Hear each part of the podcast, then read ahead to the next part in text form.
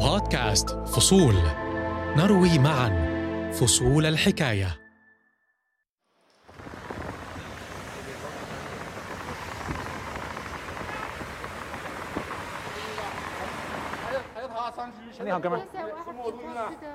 يناير 2020 شهد العالم أول إغلاق تام لمدينة بسبب فيروس كورونا. كانت المدينة ووهان I want to begin with uh, some breaking news out of Italy. All of Italy is now on lockdown. As the coronavirus All of pandemic Italy spreads, New York, California, Illinois, and Connecticut all ordering non essential employees to stay home. Those orders وحول العالم تفشى الفيروس ومعه سياسات الإغلاق والعزل ذلك حتى الآن في إنجلترا بدأت اليوم المرحلة الثالثة من من اجراءات الثامن من الشهر الجاري يبدأ لبنان المرحلة الأولى من تخفيف إجراءات الإغلاق التام في الخليج إجراءات تخفيف الإغلاق الحكومة بدأت السويدية تعلن عن خطة لتخفيف في يونيو 2021 البشرية تتنفس الصعداء لأول مرة في شهور والعالم يصحو على سؤال مؤجل كيف حدث ما حدث؟ A team of 10 international scientists is to travel to the Chinese city of Wuhan next month to investigate the origins of COVID 19. منظمة الصحة العالمية أرسلت بعثة إلى ووهان للتحقيق Welcome to this press conference on uh, result and outcome of the النتائج لم ترضي كثيرين The WHO inquiry was far from comprehensive. The Chinese government withheld information. يقولون دون أن نعرف بالضبط كيف وأين نشأ هذا الوباء لن نكون جاهزين لأوبئة المستقبل. عندما فرضت الحكومة الصينية الإغلاق في ووهان كانت متأخرة جدا. كان الفيروس قد انتشر بصمت لأربعة وخمسين يوما دون أن يحذر العالم أحد. في هذا البودكاست سأروي لك فصولا من قصة كورونا. الفصول الأولى التي نعيد اكتشافها الآن. أنا دعاء فريد وهذه حلقة جديدة من بودكاست فصول.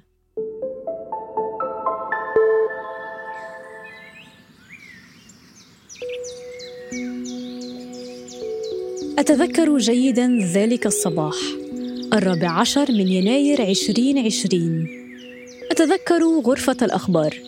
كانت أول مرة أسمع فيها عن فيروس قادم من الصين ويربك الأسواق.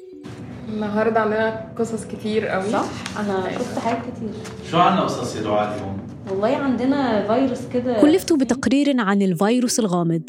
كنت متشككة؟ هل سأجد معلومات كافية أو حتى مقاطع مصورة؟ كنت قبلها بساعات قليلة عائدة إلى دبي من زيارة لعائلتي في القاهرة. في ذلك الوقت كانت الحياة طبيعية. المطارات مزدحمة العالم منشغل بصراعاته المعتادة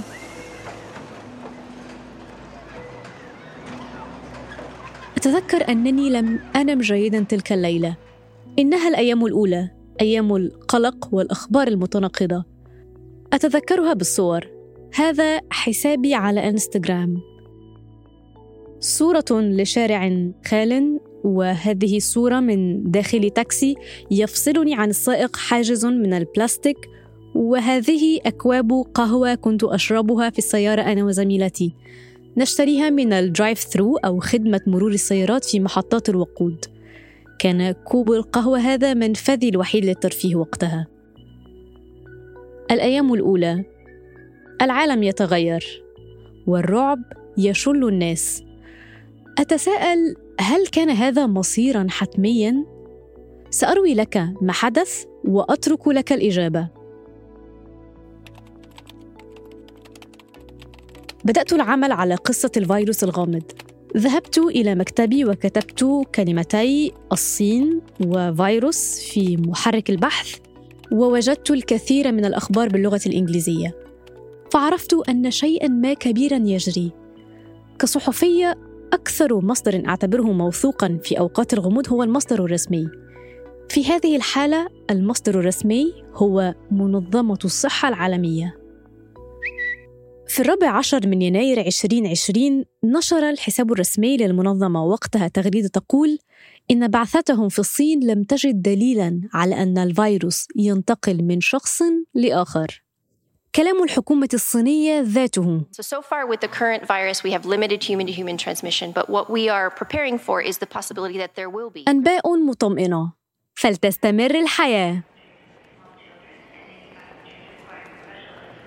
الحياة طبيعية في مدن العالم. الأفراد يسافرون ويعودون. حركة الطيران مستمرة. كل شيء على ما يرام. وأنت أيضا ربما في ذلك الوقت لم تكن قد سمعت عن أي شيء غامض أو فيروس جديد. بعد أسبوع ستنقلب الموازين. المحطات الإخبارية كلها تكتب عنوانا واحدا. الفيروس الغامض ينتقل بين البشر. And our analysis of data shared by China, human to human transmission is occurring. Turn now to the mysterious and deadly virus. Tonight, authorities confirm it is being spread from human to human. ماذا It started حدث؟ in China and it comes as هل أساءت الحكومة الصينية تقدير الموقف؟ الأكيد هو أن الحكومة الصينية فعلتها من قبل Almost as quickly as the virus spread, the demand for answers grew. It was becoming clear the disease had been festering for months in southern China. قبل 19 عاما تقريبا في نوفمبر من عام 2002 انتقل فيروس شبيه بكورونا من خفاش إلى قط ثم إلى البشر في سوق شعبية جنوبي الصين. شعر الأطباء بشيء غير عادي فأبلغوا المسؤولين لكن السلطات لم تستجب. لخمسة أشهر استفحل مرض الالتهاب الرئوي الحاد أو سارس في البلاد. ماذا كان رد فعل الحكومة الصينية؟ قالت إن كل شيء تحت السيطرة How did the WHO not catch SARS before it spread? أخيرا وبعد ظهور أطباء صينيين قرروا أن يكشفوا على عاتقهم العدد الحقيقي للإصابات اعترفت الحكومة بالأزمة We must take the precautionary measures now. It is now we have a chance to contain it, and you have to use public health uh, tools to do so. وقتها كان سارس قد وصل بالفعل إلى أمريكا الشمالية وسجلت حالات وفاة به في كندا وأوروبا. كان العالم مصدوما والمواطنون الصينيون كانوا غاضبين. بعد الأزمة تعلمت الحكومة الصينية الدرس طورت نظامها الصحي بالكامل لمكافحة الأمراض المعدية. النظام الجديد كان يتيح معرفة سريعة لا تتجاوز ساعات بتفشي مرض ما حتى لو حدث هذا في قرية نائية. لماذا نتذكر هذه القصة؟ لا تقلق، سأجيب على سؤالك، لكن بعد أن أروي لك قصة أخرى لا تختلف عن هذه إلا في التوقيت. 哎呦，这死人这么多，这是病房帮我进的。 الأول من ديسمبر 2019 رجل في السبعين يسكن في ووهان يشعر بالتعب ويدخل المستشفى. كان يعاني من ألزهايمر وكانت حالته حرجة. لم يسجل الأطباء معلوماته كما يجب. لكنهم على يقين بأن علاقة ما ربطته بسوق الحيوانات الشعبية. هذا الرجل هو الحالة. رقم صفر.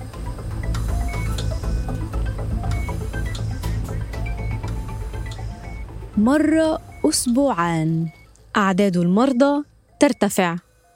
الأطباء يلاحظون نمطا واحدا في الفحوصات. بقع بيضاء غريبة في الرئة. يشتبهون في أن منشأ هذه الحالات هو سوق الحيوانات الحية في ووهان.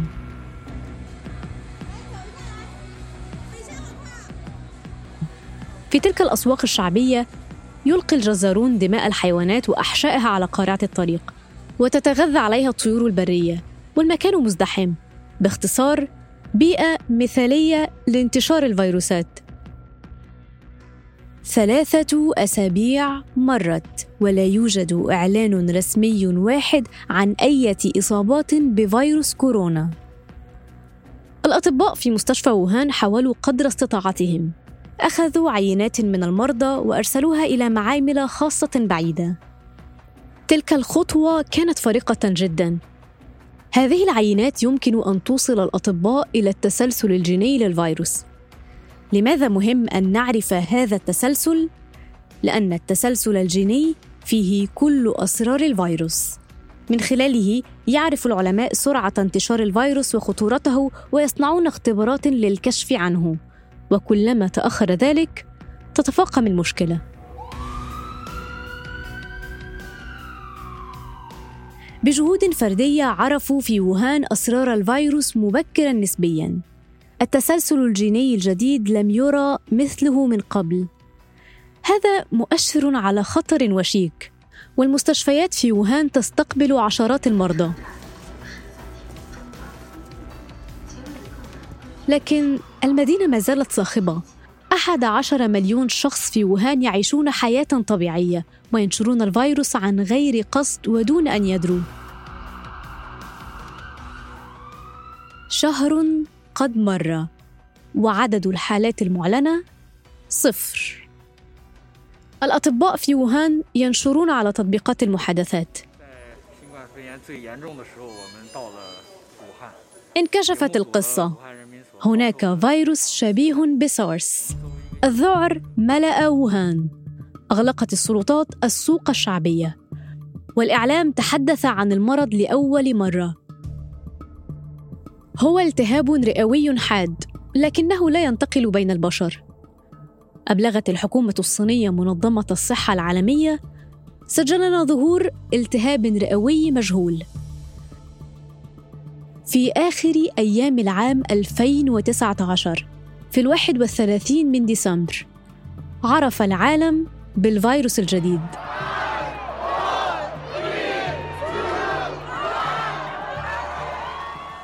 لماذا تأخرت الحكومة الصينية؟ كان من المفترض أنها تعلمت دروساً من سارس كانت لديها البنية التحتية اللازمة هل خشيت من حالة ذعر جماعي؟ هل استهان علماؤها بالفيروس الجديد؟ أسئلة ستواجه محققي منظمة الصحة العالمية وستظل بدون إجابات وافية. لكن وقتها كان العالم مشغولا عن الأسئلة بما هو أكثر إلحاحا. في الثامن من يناير 2020 بدأ الإعلام الصيني يصف المرض المنتشر بفيروس كورونا المستجد وفي هذا اليوم تحديدا انتبهت وسائل الإعلام العالمية Okay, so how do they know it's not SARS? How is it that they can be so certain in all of this? I guess they identified the samples that they had and said it is not the coronavirus. So they ruled out SARS, they ruled out MERS, but they don't know what it is. And one health صحيفة وول ستريت جورنال كتبت أن السلطات الصينية عثرت على فيروس جديد من سلالة كورونا. In central China, a man has died following an outbreak of an unknown pneumonia like virus, which officials say comes from the same family as the deadly SARS virus. بعد ثلاثة أيام فقط توفي رجل يبلغ من العمر 61 عاما كان يتردد على السوق الشعبية في ووهان هذه أول حالة وفاة موثقة بالمرض الجديد بحلول الثالث عشر من يناير كان الفيروس قد انتشر بالفعل خارج الصين اكتشفت أول حالة في تايلاند Thailand has reported the first case of the Wuhan coronavirus found outside of China. أما داخل الصين أتعرف ماذا كان العدد المعلن للإصابات بفيروس كورونا رسميا وقتها؟ في هذا اليوم كان العدد 41 فقط الرقم يبدو ضئيلا مقارنة بالوضع أليس كذلك؟ Chinese health officials insist the situation's in hand. تبين لاحقا أن السلطات الصينية كانت تعد الحالات المرتبطة مباشرة بالسوق الشعبية في ووهان لكن الهيئة المعنية بالصحة فيما بعد اكتشفت أن ثلثي الحالات فقط مرتبطة بالسوق وأن هناك مصابين ليس لهم أي علاقة بالآخرين عندها فقط أعلن الخبراء أن الفيروس ينتقل من شخص لآخر وأن البلاد على شفا جائحة. لكن لم تصدر الصين بعد أوامر بالعزل المنزلي. الحياة مستمرة في ووهان، الدراسة مستمرة، الفعاليات مستمرة. في الحقيقة كان عدد المسافرين من ووهان أو من الصين في تلك الفترة مرتفعا للغاية. هذا نظرا لاقتراب موعد رأس السنة القمرية هناك وموسم الإجازات ولم يعلن بعد أن الفيروس ينتقل من شخص لآخر. لذا فالحياة مستمرة. ولكن متى أعلنت الحكومة الصينية أن الفيروس ينتقل بين البشر؟ في العشرين من يناير. Tonight, Chinese health officials say the illness, which is a new strain of coronavirus, can be passed from person to person. بعدها بثلاثة أيام أغلقت ووهان طلب من 11 مليون شخص التزام منازلهم Authorities believe the outbreak of the coronavirus can be traced back to a seafood market in Wuhan. وبدأ فصل جديد في قصة الوباء وما بدأ في ووهان لم ينتهي بعد The growing health scare, the respiratory virus outbreak coming from China, now setting off global concerns. At least two people بعد. ذلك بأيام قليلة في آخر يناير أعلنت الإمارات اكتشاف أول إصابة بالفيروس كانت أول حالة في دولة عربية أعلنت وزارة الصحة ووقاية المجتمع عن تشخيص حالة إصابة بفيروس كورونا الجديد لأشخاص من عائلة كنت في المشفى حرارتي مرتفعة والخوف من الفيروس المجهول يرهقني. الناس يتحدثون عن الفيروس لكن لا أحد يرتدي أقنعة الوجه. كانت هذه نصيحة منظمة الصحة العالمية. قالت إن أقنعة الوجه يجب أن تتوفر للمصابين الذين يحتاجونها أكثر من غيرهم. الطبيبة كشفت علي وطمأنتني أنه ليس الفيروس الجديد كما قالت إنها بكتيريا فقط. China. Took action massively at the epicenter, at the source of the outbreak. وأنا خارجة من المشفى كانت شاشات التلفاز تعرض مؤتمرا لمنظمة الصحة العالمية. كانت تحيي ما وصفته بالتزام الصين بالشفافية. لا أحد يتحدث جديا عن ذلك الآن. لكن يظل أن الصين هي أول من تضررت بالفيروس وأول من تعاملت معه. فالاتحاد الأوروبي ينتظر من الصين تزويده بأكثر من مليوني قناع واق وخمسين ألف جهاز اختبار سريع لفيروس كورونا وغيرها من المعدات الطبية بحلول ديسمبر 2020 كانت الصين بالفعل قد وافقت على لقاح ضد فيروس كورونا Shipments of Chinese vaccines arriving in Egypt. Manufacturers have struck deals to supply 400 million doses to countries around the world. وفي ثلاثة أشهر فقط استطاع التصدير لقاحي سينوفارم وسينوفاك ل 22 دولة بل وتتعهد بإرسال اللقاح لأكثر من 50 دولة نامية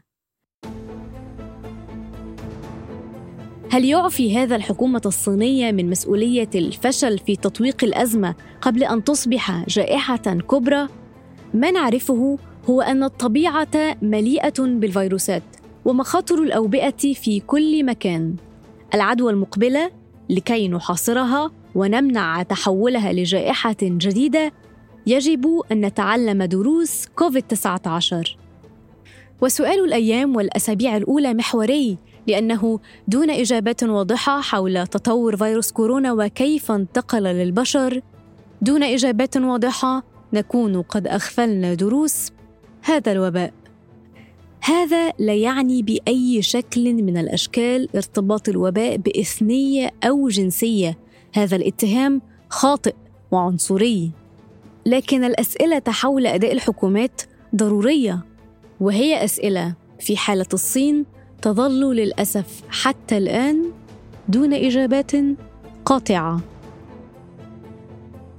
أنا دعاء فريد دمت في صحة وعافية.